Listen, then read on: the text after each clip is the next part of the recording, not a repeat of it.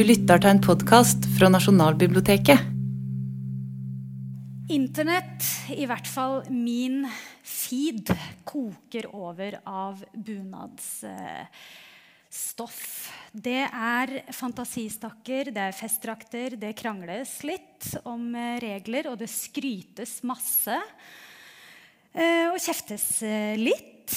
Og interessen for bunaden det kan se ut som at den aldri har vært større. Hva er det med den drakten som får oss til å føle oss så flotte? Den ser jo så gammeldags ut, og likevel så når den frem til nye folk på nye måter igjen og igjen og igjen. Motehistoriker og journalist Ragnhild Brochmann, klesdesigner og fabrikkgründer Jenny Skavlan og historiker og bunadsekspert Unni Irmelin Kvam, velkommen. Takk.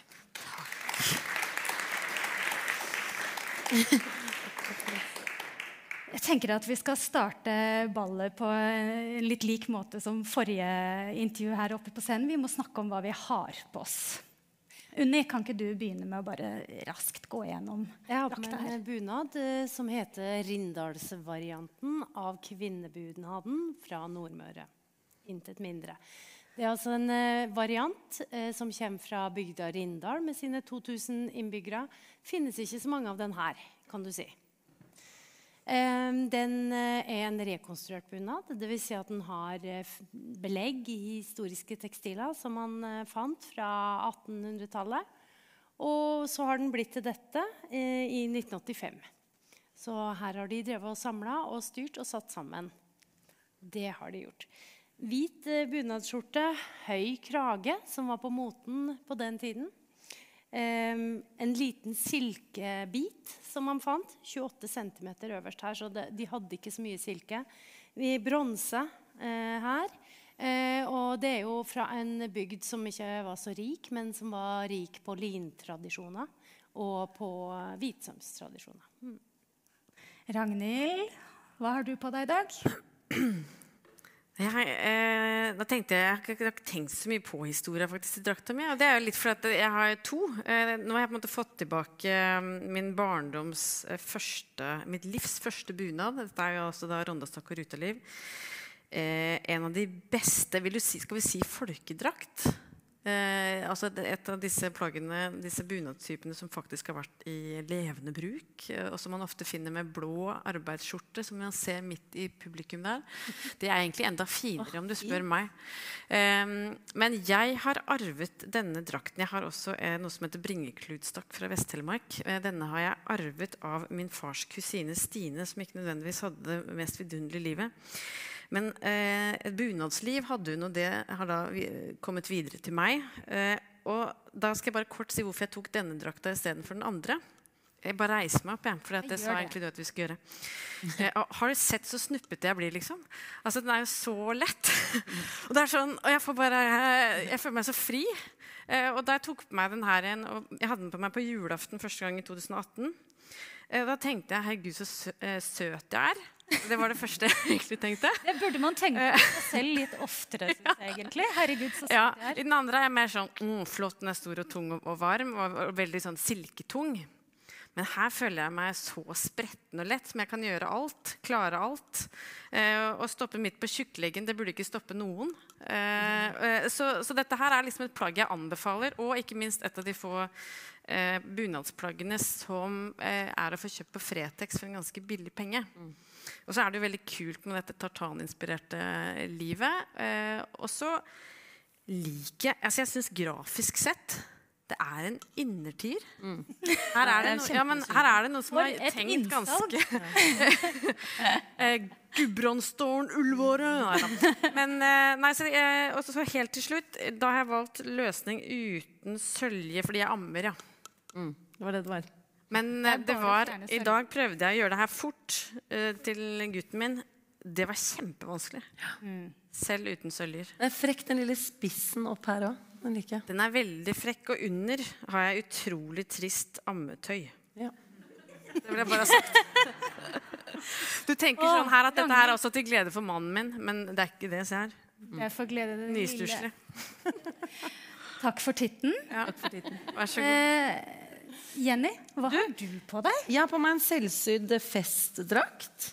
Eh, Da Fabrik, som jeg jobber i, har jo da sluppet et mønster på festdrakt til damer. slapp vi i fjor, Og i år så var det barn og herre. Så nå er liksom hele familien eh, samlet. Så den er eh, Jeg er jo også en fiber Veldig glad i norske tekstiler. Så dette er sydd av ull fra krivevev. Overskuddsull, for vi har da Krivivev, eh, Norges eneste industrielle linveveri bl.a. De produserer ull og lin. Eh, og vi har da fått tak i deres overskuddslager. Eller feilvarer, egentlig. Så jeg synes det er litt skjønt, fordi det er noen steder ligger det små feil i stoffet. Eh, så den er sydd av det. Den kan jeg egentlig ta av, fordi jeg sydde på en måte denne i fjor, og så sydde jeg capen i år. Og så tok jeg på capen, og så ser jeg at jeg ser ut som en sånn handmade fra Handmaid's Tale. ser du det? Hva er det de sier? Jeg mangler bare en sånn hvit serviett eh, på håret. Og så ser jeg ut som en sånn May the Lord open. Føler meg litt sånn. Men eh, denne er da vrengbar. En cape med markjordbær inni. Og denne eh, overdelen er sydd av et møbelstoff eh, som jeg falt pladask for. Jeg hadde lyst til å lage en sånn vårlig festdrakt. Jeg er ikke så vant til å bruke bunad på vinteren til jul. og sånn. Jeg er veldig vant til at dette er et 17. mai-plagg. Jeg liker at det er liksom spruter blomster ut av plagget. Så jeg fant meg et tema som var sommerstuge. Så jeg har funnet stoffer som liksom gir meg de assosiasjonene. Eh, både dette er fra en gardin, sånn er det til å ha rundt gardinen. Dette er en kaffeduk. Og dette er da et møbelstoff. Men så klippet jeg feil, så jeg har noen sånne linjer her hvor mønsteret brytes opp. Og der har min bestemor, som er veverske Er du her? Hun er sånn som kunne vært her. Nei. Er du her? Kari Skavlan hun er eh, billedvever, tekstilkunstner. Så hun har lappet, altså hun har brodert oppå skjøtene. Sånn at det skal være mer jevnt og sydd på litt perler og sånn. da. Men er det svensk tenn? Hva sa du? Stoffet, er det svensk tenn? Ja. Ja, ikke sant? Så det er svensk, og den du vever. Mye er jo bedre fra. Sverige. Det er jo det. Ja, det er det. Så altså, det har jeg på. Hva har du på? jo- Ja, altså, det var det. Hva er det jeg har på meg, Unni? ja, altså Du var litt kald der inne i stad, så da lånte jeg ut eh, sjalet mitt. Det er altså et fargetrykksjal fargetrykkssjal som tilhører denne bunaden. da. Dette er ytterplagget. Eh, og det er i rørostvid, så det er jo som å ta med seg et ullteppe. ikke sant? Det er blokktrykk, er det ikke? Ja. Det føles veldig godt på kroppen. Takk for, uh, Takk for i dag. takk for i dag. Før vi skal snakke om bunad som motefenomen her og nå i dag, så tenker jeg at vi må ha litt kontekst, litt kjøtt eh, på beinet. Og da, Unni, går eh, spørsmålene til deg her. Altså, mange tror jo det at idet de trer inn i en bunad, en østfoldsbunad eller romeriksbunad, så, så trer man inn i en urgammel historie. Vi skal hundre, hundrevis år tilbake i tid. Men sånn er det ikke. Man skal bare tilbake til forrige århundre eh, for å på en måte finne starten på eh, det vi snakker om når vi snakker om bunad. Og det er ei dame som skal ha æren for eh, å ha starta ballet, og det er Nå skal vi se om vi får et bilde av henne. Se på det her, da. Ja, Hulda Garborg. Hulda Garborg. Altså, Vi kaller jo ofte Hulda Garborg for eh, alle bunaders mor. Eh, og det hun gjorde, det var jo å være mm, aktiv i norskdomsrørsla. Og hun ville ha en eh, frigjøring fra Sverige. Hun var for eh, unionsoppløsning. Eh, hun levde i tida rundt eh, 1905 da, ikke sant? og skapte på en måte Hulda-drakten rundt 1910. Eh, og hun, eh, hun eh, freste egentlig rundt i hele landet med en eh, gjeng ungdommer. Spellaget, forløperen for Det Norske Teatret. Og de ble jo superpopulære, for hun hadde vært på en dansesreise til Færøyene. Og fra Færøyene hadde Hulda tatt med seg ringdansen. Det var en god dans der man ikke dansa så mye i par, sånn at man dansa rundt i, i ring. Eh, eh, og, og når jeg sier at man ikke skulle danse så mye i par, så var det fordi da kunne det jo oppstå usømmelighet. ikke sant? Eh, og Hulda eh, tok med seg ringdansen fra Færøyene og mente at det var det eh, urnorske, som i motsetning til det danske. Og Så reiste hun til Island, og der hadde hun håpet å finne enda mer eh, gøy, gammelt norsk. Eh, der fant hun ordet klebunad. Eh, og det ordet tok hun tilbake med seg til Norge. Ble forkorta til bunad. Og klebunad eh, har en slags eh, betydning der man Det er det du skal bruke i ditt bu og din heim og på din kropp. Og det er på en måte ting du kunne ha på deg eller med deg i kista di. Så bunad, ikke sant? Det var det du kledde på deg da. Mm. Så Hulda Garborg eh, tok jo disse ungdommene med rundt i landet. De ble kjempepopulære. Eh, tusenvis dansa ringdans på stadion, Frogner stadion eksempel, på dette tidspunktet. Så dette var populært. Mm. Altså, det er så mye med Hulda Garborg. Hun, var jo også hun skrev vel en kokebok. Hun var jo den som har lært oss å spise sopp, annet, ja. i dette landet. Ja, Hva slags sopp? Bare den som ikke er giftig. hun var jo en bohem. Hun var kona til Arne Garborg. De var jo litt sånn gærne. Men jeg tror først og fremst bare sånn den som du faktisk kan spise til middag. Mm. Og det redda livet, sikkert. Ja. I form av det. Mye feilsopp. Mye dødsfall på feilsopp. Det er mye Hulda. dødsfall på feilsopp, mm. som, uh, vi kan, sier, som, vi sier. Som vi sier. Ja.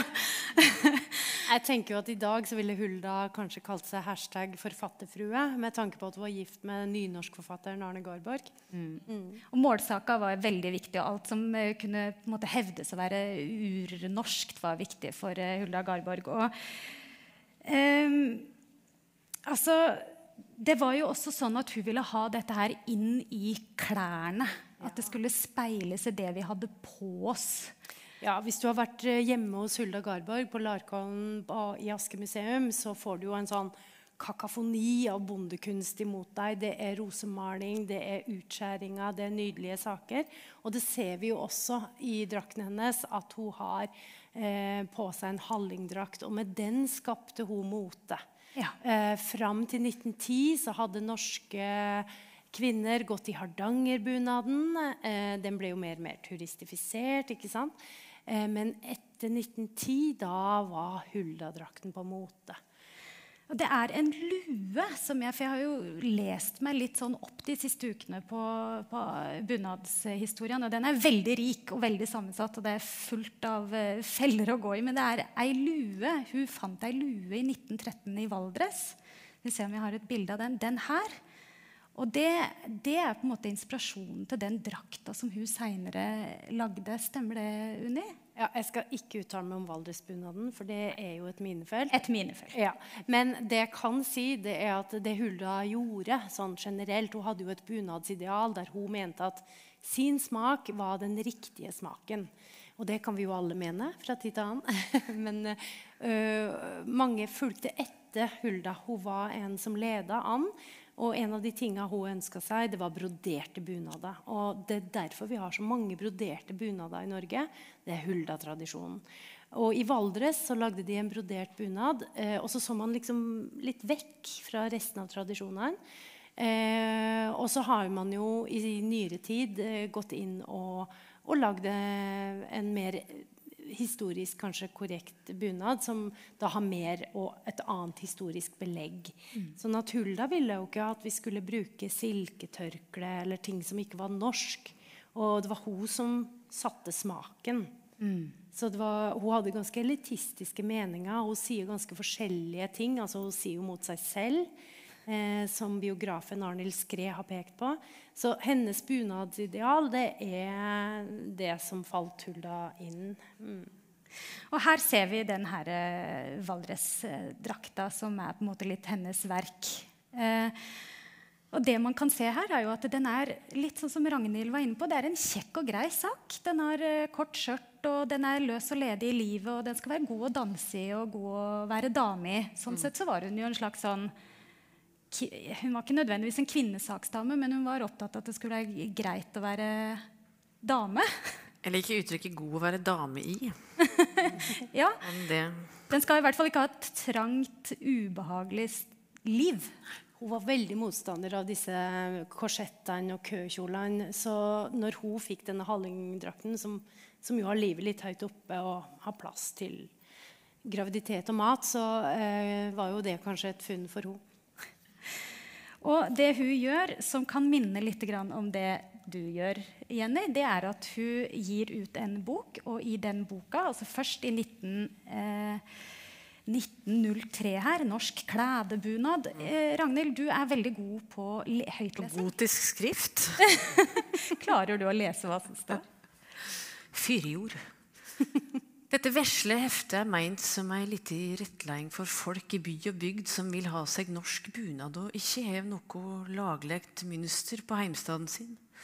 Jeg vil vone at mange, særlig i ungdomslaget, nå vil få seg norske klær etter hvert. De gjør samkommune.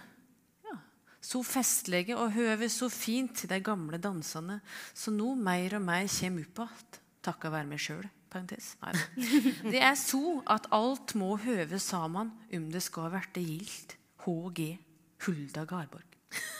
Det er bra forord, da. Ja, men Nydelig. Altså, det er jo tydelig hva hun mm. vil her. Og i den så fikk man mønster. Se her, se her, Jenny.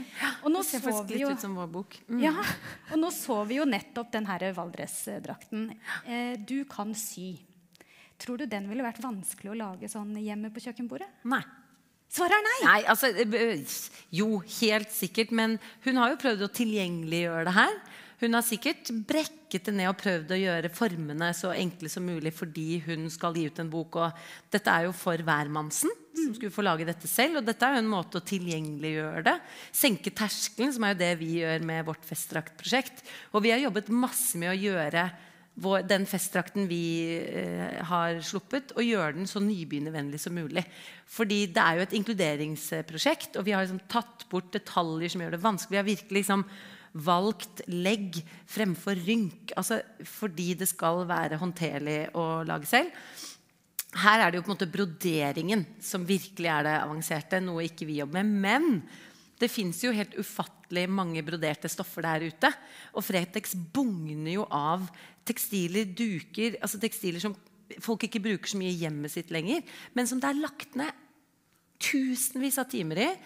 Og man hadde jo tiden. Man hadde jo liksom noe å måtte bruke hendene sine til når de, man ikke hadde den der lille air Hva heter det? Jeg mister sånne ord når jeg befinner meg i dette rommet. Fjernkontroll. Fjernkontroll. Takk for dette. Jeg er i sånn tids... Nei, nå tenkte jeg på den eh, til, til Mac. Glem det.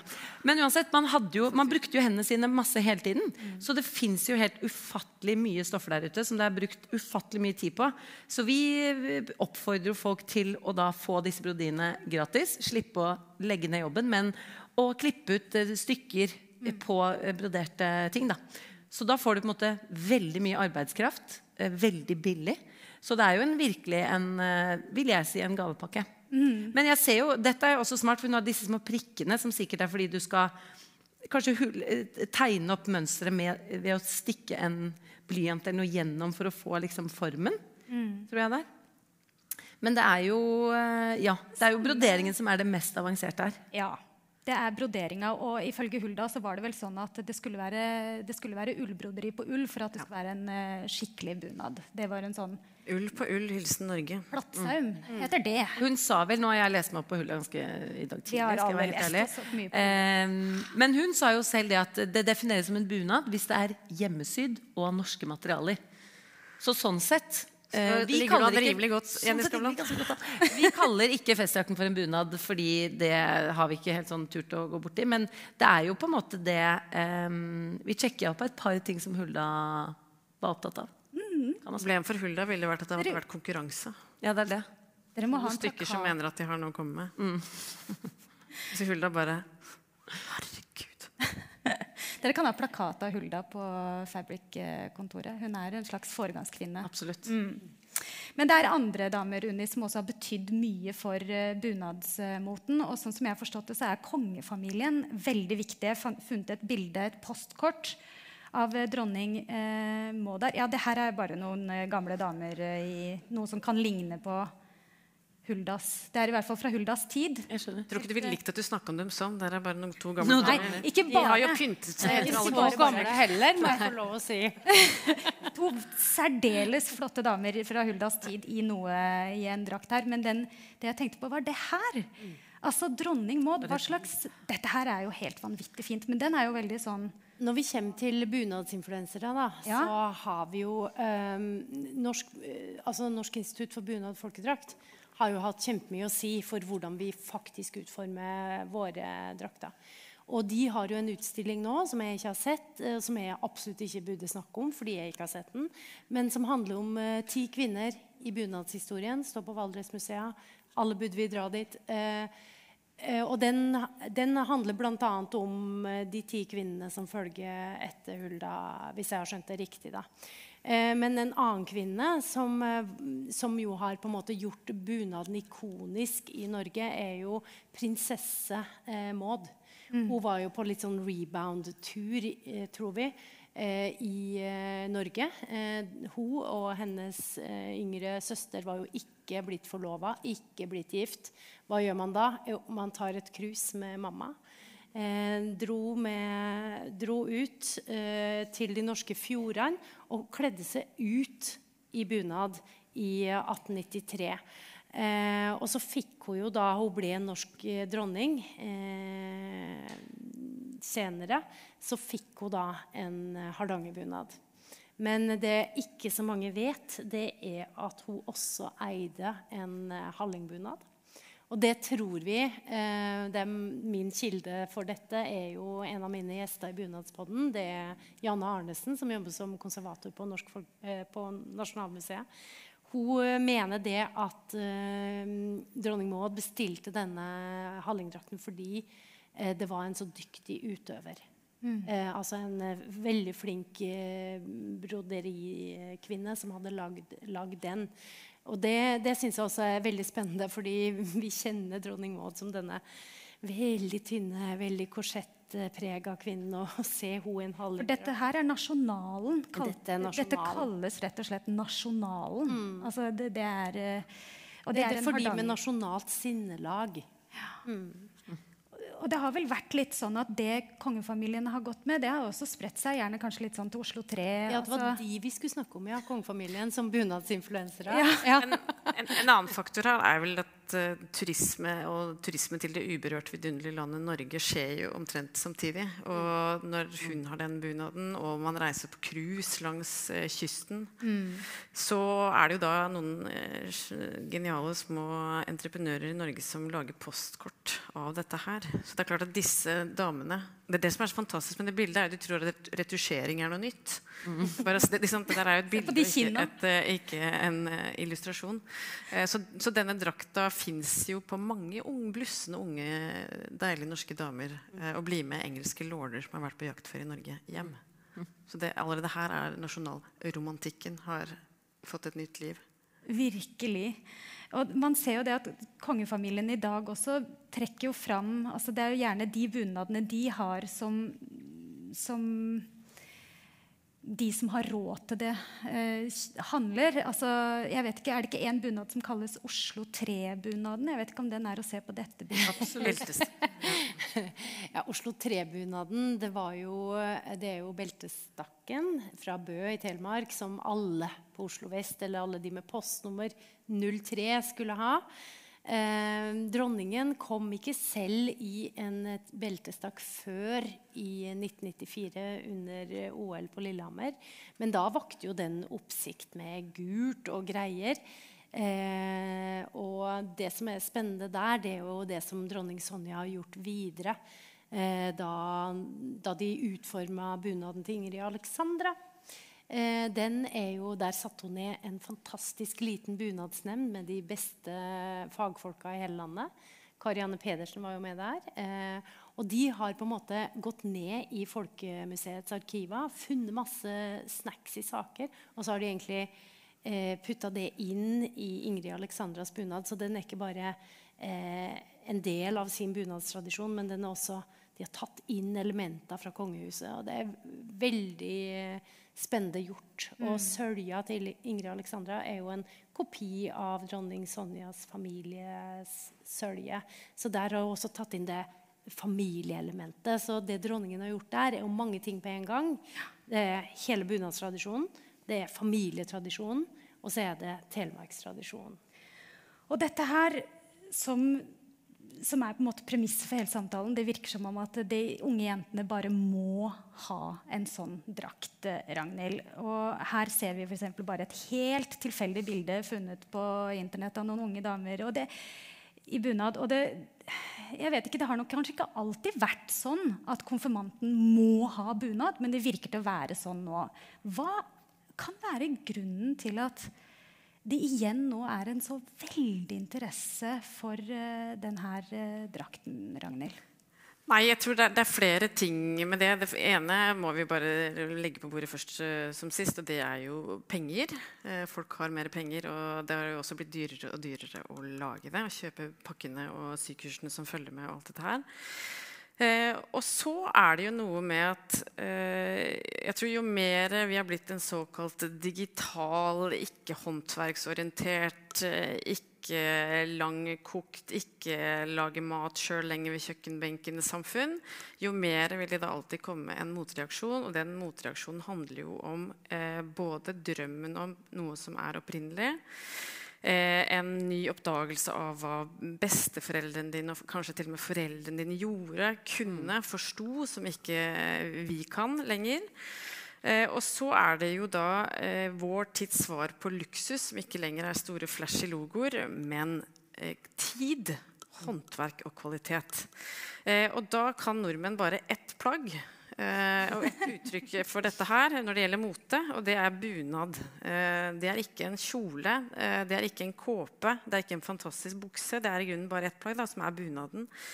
Eh, og I bunaden så har Norge da, som vi allerede har snakket litt om, en veldig lang tradisjon for å eh, fylle og tømme denne beholderen ettersom hva samtiden trenger. Og det som er så fantastisk med bunaden, er at det er skapt som et politisk argument. Og som alle politiske eh, artefakter, eh, og, og, særlig plagg, da, så har den denne egenskapen til å eh, vekke interesse. Eh, det gjorde den jo ikke minst da den kom. Kom du i bunad, så var det jo bare hardcore. ikke sant? Og, eh, for unionsoppløsning, kanskje for kvinnesak, eh, mot noe som det konforme borgerskapet hadde vært for veldig lenge. Altså andre verdier. Så det har en opposisjon i seg, det har en motstand, og ikke minst eh, for Norge som har en så ungt forhold til mote, og må jeg legge til som er ganske viktig, et land som er så nyurbant, mm. eh, og som har en så begrensa scene hvor man eh, beveger seg rundt ute og ser og blir sett og lærer seg å kle seg, ikke minst pga. det. Altså lære seg selvrepresentasjon i mm. et sosialt, levende eh, samfunn. Så blir bunaden da helt fantastisk også fordi at 17. mai for mange tror jeg er eneste dag man går rundt i et samfunn og ser og blir sett. Eh, mm. og har noen knagger å henge det man har på seg identiteten sin som følger med, på. Så kan man si sånn Men herregud, Unni! Hva er det du har på deg? Ikke sant?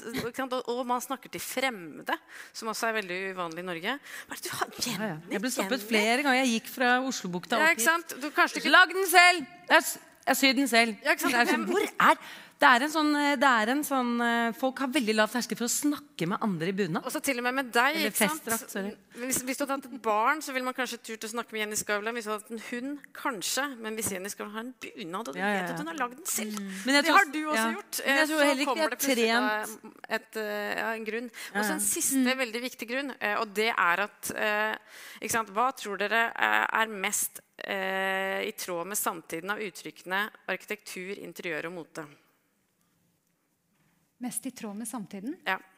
Hva, hvem er det som er sterkest følere ned i hva samtiden er opptatt av og egentlig har lyst til? Er det arkitektur, interiør eller mote? Mote, selvfølgelig. Hvorfor det? Fordi det er kroppen vår. Det er det som går fortest. Eh, det er, det er, her vi tar på oss og prøver på oss nye tiden. Eh, og det som skjer er jo, eh, Arkitekturen vet vi alle hvordan har sett ut veldig lenge og stadig ser ut. Det skal vi ikke snakke om her. Eh, interiørene litt likeså. Veldig enkelt, minimalistisk, grått-hvitt, rett, eh, rett vinkla og ganske nøkternt. Men så kommer det noen som sier Farger er lov, klokkestreng er lov. ikke Hvor fader skal vi gjøre alle de fantastiske broderiene? Helt noldus å ha det på kaffebordet. For hvem er det som har kaffebord? Det er ingen det lenger. Det er ingen som spiser liksom, kaffe og kjeks sånn som bestemødrene våre gjorde. og dekket på sånn som de gjorde. Men plutselig er det lov å ta frem igjen alle disse tingene. Og det som er så fantastisk med Fabric, og jeg er ikke betalt for å reklamere, oss bare for å si det, men det som er så fantastisk med dere, er at dere eh, tilbyr en form hvor denne lysten til å ta tilbake disse materialene, håndverksferdighetene, fargene, livsgleden Dere, dere gir folk en form som de kan putte eh, denne interessen på. Og dere sier at det er lov, og dere sier at folk kan bruke sin egen smak. Du kan bruke din klokkestreng hvis du merkelig nok har en. Eh, og, og, og det er en gavepakke til en mote som veldig lenge har vært veldig flamboyant og artig, altså, men også veldig influenserstyrt. Og nå har tiden kommet for at folk kan lage det sjøl igjen. Og det er liksom deres andre supergavepakke til nordmenn. da. Du kan gjøre det selv. Jeg gjør det sjøl. Du Ja. kan. Du kan. Jenny, hva, te hva tenker du kan være grunnen til at uh, så mange har lyst til å ha på seg akkurat dette? Altså forkle, langt skjørt, puff Jeg tror det tapper inn på mange ting. Jeg tror Litt sånn som de jentene vi ser her. Jeg tror det er det, er det der å tre inn i voksne, voksnes rekke. Man føler at det er en moden passform. Det er bysten frem, det er inn i livet. Jeg tror alle har en litt sånn drøm om å kle seg litt på den måten. Men så er det Uggs og slengbukser og singleter. Men så det er sånn du sier, man får, det, det, det kommer en følelse med disse plaggene. Og det er jo det, det eneste plagget vi på en måte fortsatt har som har den der historiske formen og livet og de store ermene. og Man, man spiller jo litt en figur. Og så har jo ikke vi Det tenkte jeg også på når du snakket om det der med at i mange land så har de liksom dype klestradisjoner som handler om at man kan se gode kvaliteter, italienske dresser, man kan spotte en dyr frakk. Mens vi nordmenn er jo ikke orienterte rundt kvalitet. Vi er orienterte rundt funksjonalitet. Det var en flott vindjakke. Det ser ut som at den tåler vær og vind. Det er liksom sånn vi ser på hverandre. Men så kommer dette plagget hvor vi alle kan se, også fordi det er veldig lett å se. For jeg tror vi trenger det ganske sånn tydelig. Du ser sånn, Det er forseggjort, det er nydelige materialer. Det er dy altså dyrt, i hvert fall den tradisjonelle bunaden.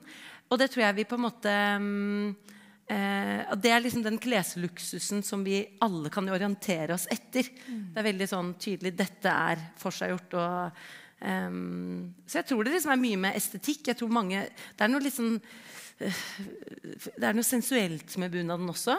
Ja, Ja. jeg syns òg det. Jeg er glad jeg tror det er mye med kontrastene mellom sånne Jeg syns jo det handler mye om at det er noe som er lett og, og sart og sånn. Gjerne, gjerne da forklær og bluse, men så er det noe litt tungt og stramt og hardt. Så jeg tror de der kontrastene Det er jo også noe med at altså, stakk, stakk og liv gjør jo at du kjenner jo kroppen din. Ikke sant? Og, og vi lever i en veldig formløs tid på så mange vis med mye lykra. Eh, og det gjør at det er vanskelig å kjenne kroppen sin. Og noen er sånn «Å, 'Herregud, huff, korsett'. Men det mange ikke vet om korsettets historie, er jo også at det var jo også elsket av mange kvinner. Nettopp fordi at, at det fins en sanselighet i det. Og noen argumenterer også for en slags autoerotikk. altså At du kan selv oppleve noe positivt ved å være i sterk berøring med hvordan du har lyst til å forme, presentere din egen kropp. ikke sant? Samme som med høye hæler. At, at det vipper bekkenet ditt opp og fram og rumpa ut. Altså at at eh, disse plaggene som er kodet veldig ofte negativt feminine, har også noe ved seg som spiller en kropp i forskjellige settinger. Eh, på en måte som mannekroppen ikke lenger har eh, klær til hjelpe seg med. Da, på samme måte. Men, men en annen ting som jeg tror er veldig viktig tilbake til hvorfor bunadsinteressen har vokst seg veldig kraftig. Og her kommer det et stort kompliment, ikke bare til dere, men til de som har gjort den fantastiske jobben med eh, å rekonstruere alle folkedraktene. For det som er det store momentumet nå, og som jeg tror begynte litt da jeg konfirmerte meg og fikk altså min bringekluttstakk, som er en slags sånn i slekt med beltestakken, men bare enklere og litt annerledes. Bringeklutstakk. Ja, du kan tenke deg beltestakken, men bringekluten er da et silketørker som er lagt over eh, bringa. Eh, og så har den et smalere bånd enn beltestakken. Den er ikke så tung og ikke så mange border og rader og rekker.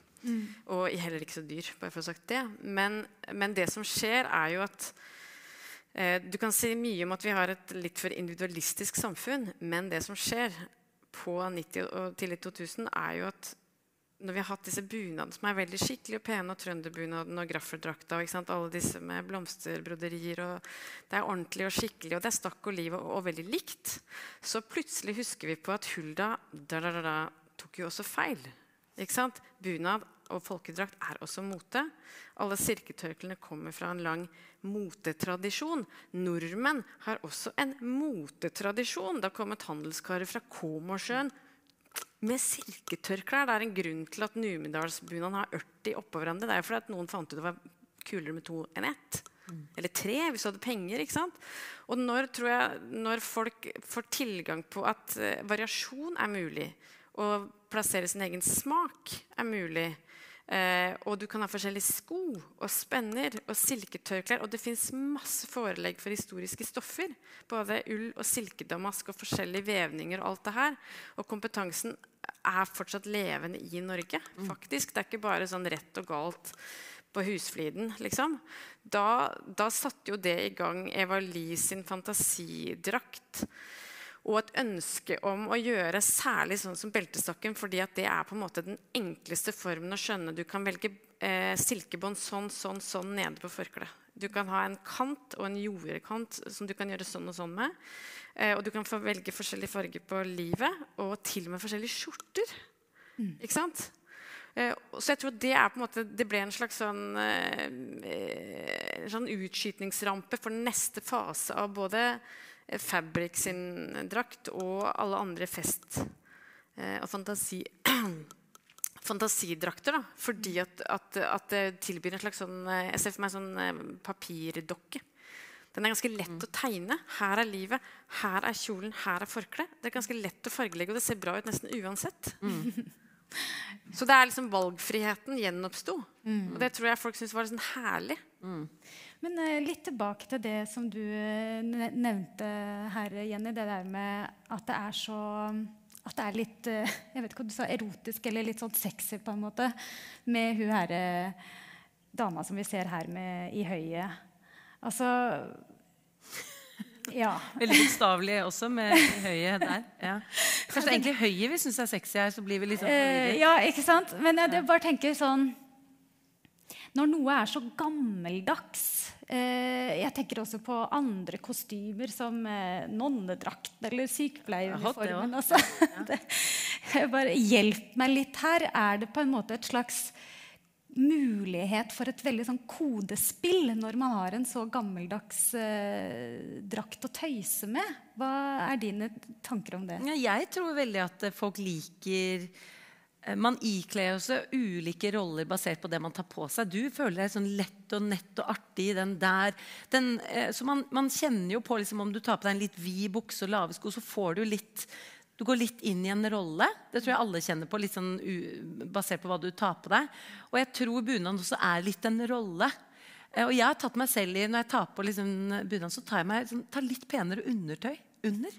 Av en eller annen grunn. Det, Motsatt av meg. var det motsatt av Ragnhild, tydeligvis. Men at det, jeg føler at liksom, det fortjener litt sånn Jeg tror det er noe med at det man tenker at det er noe spennende under. For det er på en måte, det er lukket, og det er ull, og det er ganske sånn tett.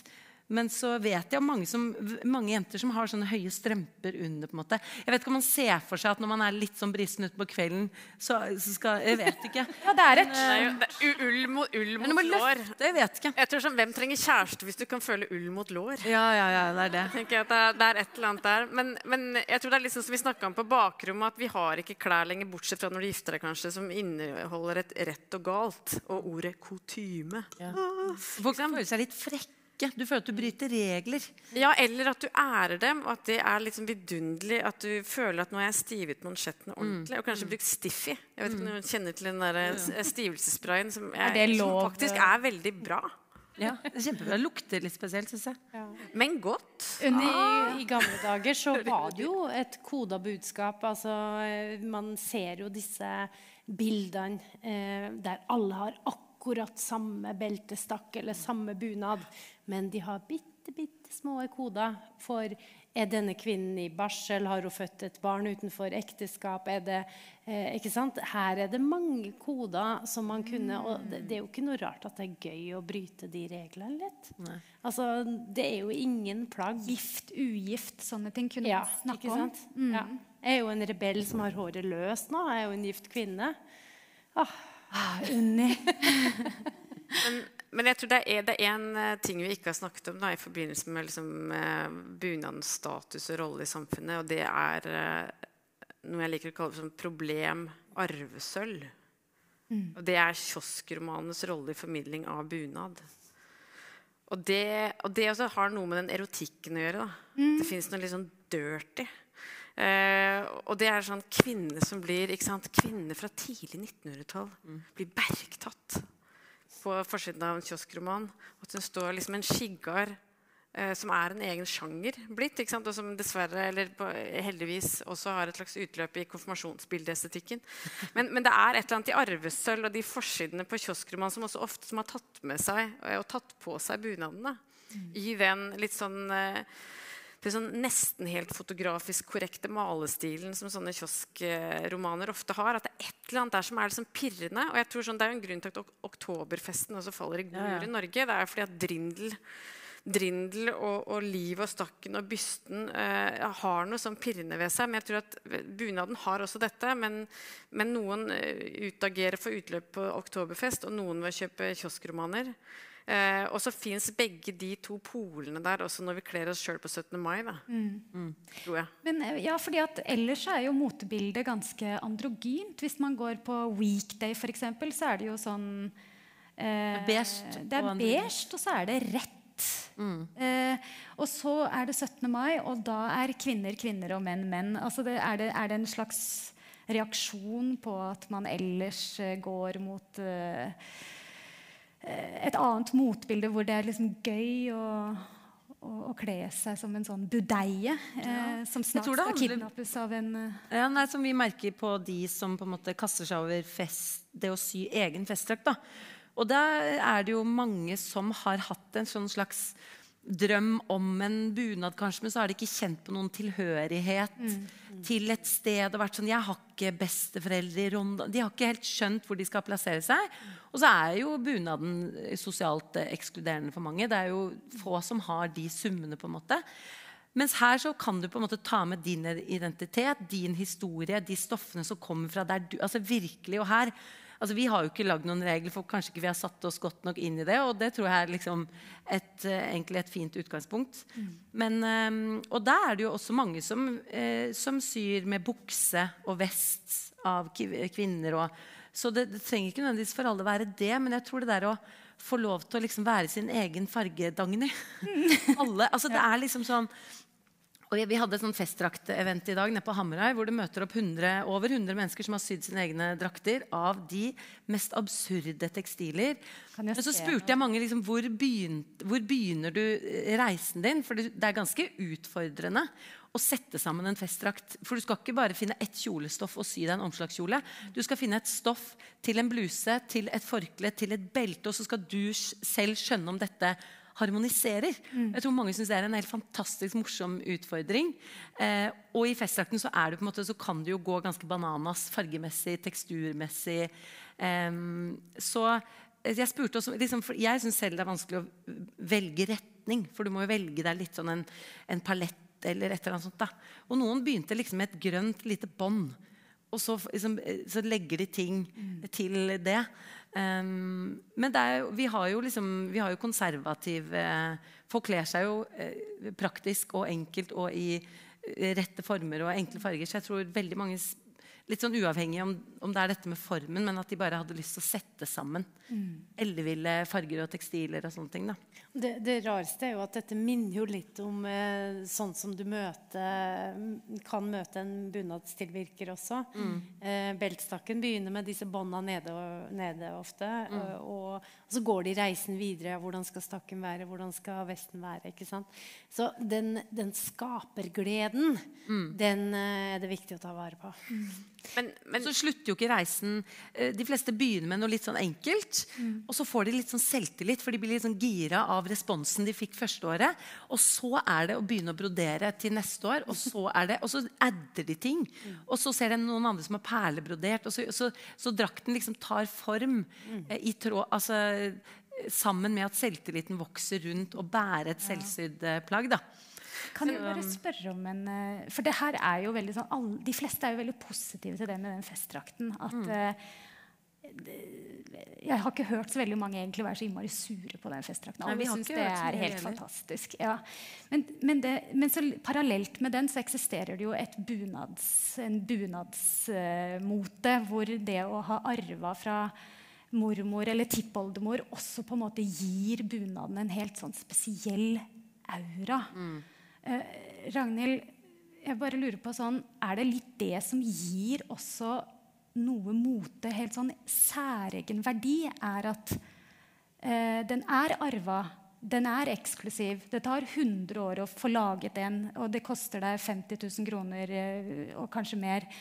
Altså, man har på en måte festdrakten som eksisterer ved siden av, som er et sånn demokratisk, hyggelig prosjekt, men så er det likevel noe med den der Hardanger-nasjonalen. da.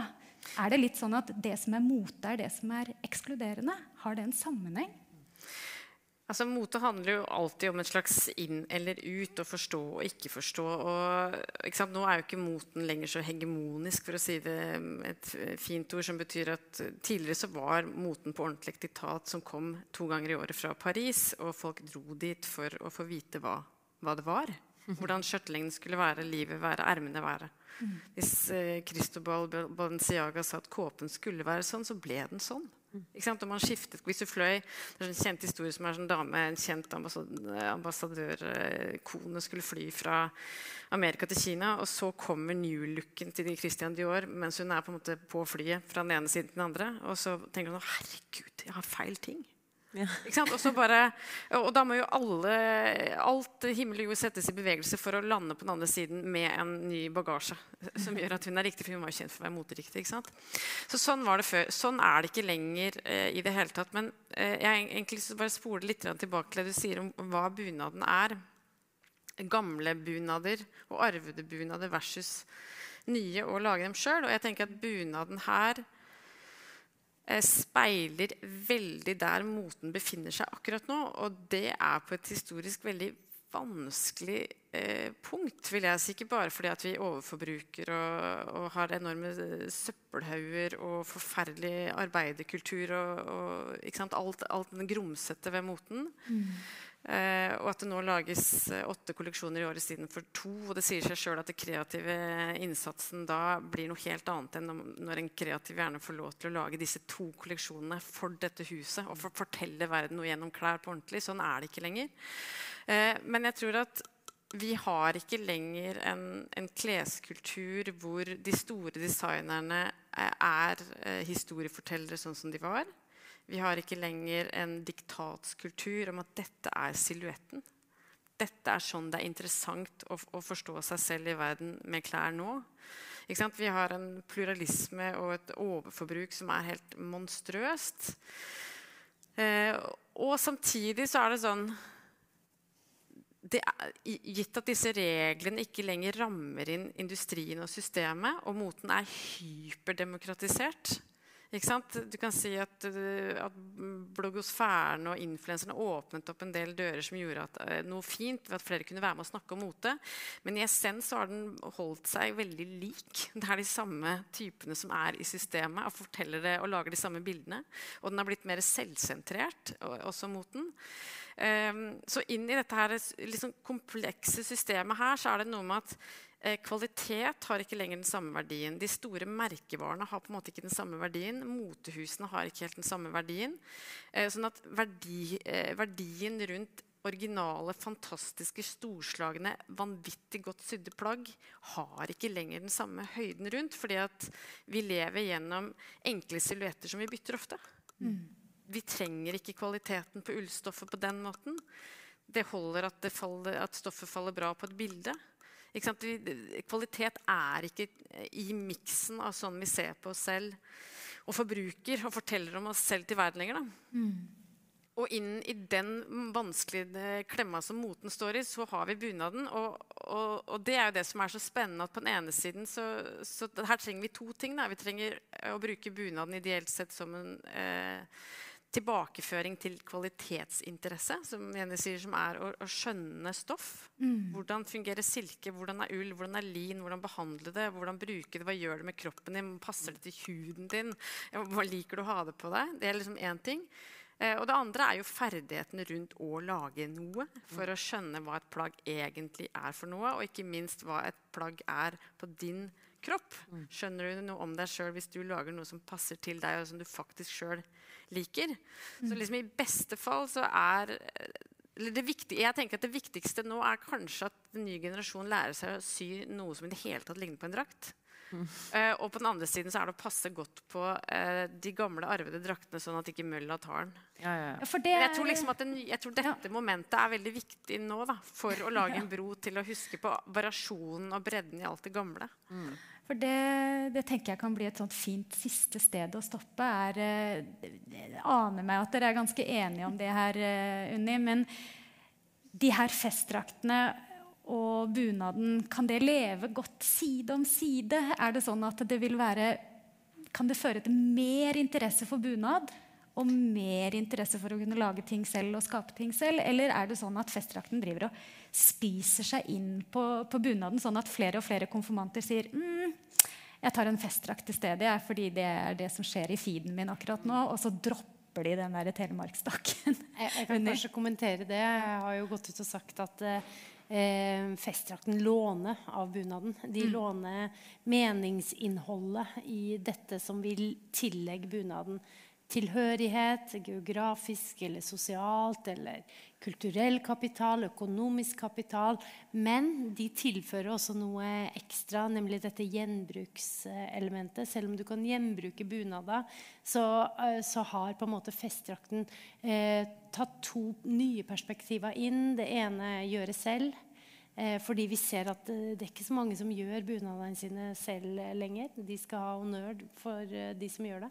Og så er det dette gjenbrukselementet, eh, tekstiler, som sannsynligvis ellers kanskje ville aldri blitt brukt igjen. Mm. så, eh, og, og når festdrakten låner fra bunaden, så tenker jeg at vi, vi bunadsbrukere vi er jo svake mennesker, vi også, som ser denne gleden i feeden vår og tenker at Oi, oi, oi, så gøy det hadde vært å, å, å freshe opp bunaden med en silkeskjorte eller, eller noe annet gøy da, og skøy som kommer fra festdrakten. Det kan jo være at bunadsfolket har noe å lære av den entusiasmen også som eh, festdraktfolket klarer å skape rundt uh, Ja, for det ser ut som det er litt mer alvo, alvor når du lager bunad, enn når du lager festdrakt. Jeg tror man er redd for å gjøre noe feil når man lager festdrakt. Eh, Det, det oppleves jo ganske regelløst, og det skal det jo på en måte være. Men jeg tror også man får med seg enormt mye i form av at man, man forstår hva håndverk er. Ting tar tid. Jeg, jeg tror også folk lærer masse og får en dyp respekt for bunaden gjennom festdrakten. Og jeg tror nok Drømmen er jo en skikkelig bunad, men dette er liksom et sted å starte for veldig mange som ikke har lyst til å være hun ene i rekka med omslagskjole fra Veromoda når alle på rad og rekke har liksom et eller annet eh, bunadsrelatert. Um, ja, og det, også dette med fiber. Folk vet jo ingenting om fiber lenger. Det er oppsiktsvekkende. Og jeg, når jeg skal handle brukte klær, sender melding og spør hva slags stoff er denne kjolen av. Så får jeg svar sånn vanlig stoff. Sånn, Men hva slags, hva slags, eh, hva slags materiale? Kjolemateriale. Bare, å, herregud. Um, så det, det driver jeg med på mange kanter. Nå har jeg fått innført det på Tice også, at du må legge inn fiber. Egentlig bare for at folk skal ha et forhold til fiber. Og jeg tror du blir litt sånn hekta når du først For en av grunnene til at folk ikke bruker klærne sine, er at det ikke passer. Fordi man kjøper det på nettet, man vet ikke om det egentlig passer, så det overproduseres 25 Ehm, og 20 sendes tilbake av det som kjøpes. på en måte. Så gjennom det å sy selv, om det er en omslagskjole eller en festdrakt Nå bruker folk mer tid på å sy festdrakten. De bruker mye tid, mer tid på å tilpasse mønsteret, ser vi. Fordi det er den ene kjolen på samme måte som man bruker masse tid på en brudekjole. Også en festdrakt. Men da lærer man litt om egen kropp. Og forhåpentligvis, etter man har vært gjennom et sånt festdraktprosjekt, så er man eh, så er man mer bevisst på passform, hva som egentlig Den kler deg. kler alle, syns jeg. Jeg syns Ja, alle du synes alle er så ser fine. så fine ut i en sånn Ja, de er veldig fine. sånn Men jeg har et spørsmål. da, for Ja. å lage en sløyfe tilbake til Hulda. Hvor lang tid brukte dere på å finne mønstre som dere mente at var en, en slags sånn optimal, demokratisk drakt som noen og hver kunne? Nei, nå har festdrakten blitt veldig mye større enn det vi så for oss.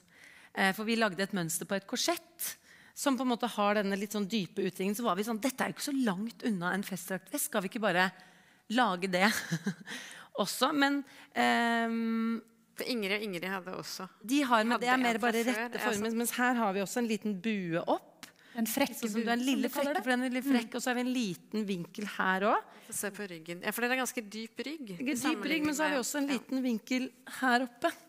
Ja. Den litt Fordi det er og der og den er der. kledelig, lettere å Den sy. sitter penere på, men så er det gøy at den har noen litt frekke Den lille svungen er litt frekk, så det var for å få litt sånne linjer. Men så er den jo konstruert veldig for at det skal være lett å sy.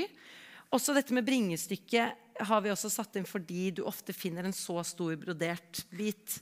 Med knapper. Og den er annenhver knapp å hekte da, eh, der. Men det er jo mye fordi vi har lyst til å redde de bitte små bitene, så kanskje du på loppemarked finner noe som er virkelig håndbrodert, men så er det så stort. Og det er jo sånn som jeg så en, eh, Vi hadde dette festdrakteventet i dag, og da var det en dame som heter Hilde, som hadde lagd et broderi til sin bestemor da hun var liten. Så hun hadde en sånn liten firkant hvor det sto et lite dikt, og så sto det 'Til mormor fra Hilde'. Og det hadde hun som sånn bringestykke.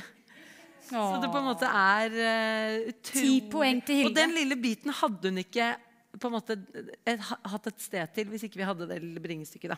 Så folk perlebroderer og holder på. Så, um, Det er faktisk et lite bonusspørsmål som jeg alltid har vært så nysgjerrig på. Men har dere sett det at noen syns det er veldig morsomt å laste opp bilder på, på Instagram hvor, hvor de liksom tuller med å kombinere bunaden med Oakley-briller eller Buffalo-sko og sånn? ja. Eh, har dere lagt merke til det? At Det er jo bare f folk, da, tenker jeg. Det er bare Altså, Jeg gidder ikke å ta en analyse. Nei, men de unge altså Det som er så vidunderlig med bunad, er jo eller for å si, vet du hva, jeg skal, En ting jeg har tenkt på sånn som passer med dette her, det er eh, Nå er det jo igjen en ganske sånn pluralistisk eh, mote der ute. Veldig mye 90-tall stadig vekk. Der er Oakley-brillene til 2000. Det- Mm. Og Buffalo-skoene. Ja. Men det som er fascinerende når vi har kommet hit vi er nå, eh, og antimote er stadig vekk et veldig rådende ideal, så er det sånn at det er jeg var eh, 20 omtrent, og jeg føler at jeg har vært en sånn liberal person med tanke på hva jeg har på meg, men det er én ting jeg syns var vanskelig å prøve på meg, og som jeg tenkte at var en slags garderobens sykkelhjelm, og det var bunadsko til hva som helst. Men der tror jeg vi er nå, da, egentlig. Jeg tror folk, Vi er rett før folk tar på seg bunadsko igjen til eh, vanlige klær, som eh, min mor sin generasjon gjorde. Ja, At man kan blande bunaden med joggesko, Ja. og så kan man blande bunadsskjorte Jeans eller- med bunadssko. Ja. Men da må det Da komme kulere ja, Dette er ikke de beste bunadskoene, men det fins finere bunadsko der ute som bare er tar, bra sko som passer til alt. Vi tar Men oppfordringa. eh, der vil jeg bare si en ting på vegne av den ukrainske vishivanka-tradisjonen. Vishivanka det er når man tar de broderte bunadsskjortene og bruker det til jeans. Og de har en fast dag i året de gjør dette, 19. mai. Og da går så å si alle ukrainske mennesker, menn og kvinner, i brodert skjorte, og så tar de på seg whatever de ellers har. Og det syns jeg er Altså Det er så vakkert, så det vil jeg oppfordre alle til å gjøre. 19. mai. Da foreslår vi det som ny trend. 18. mai er hvile, hvil, offentlig hviledag, og så kommer 19. Så er det mai. på'n igjen. Ja, Det blir veldig bra. Tusen hjertelig takk for eh, praten, damer. Og god lørdag videre. Voilà.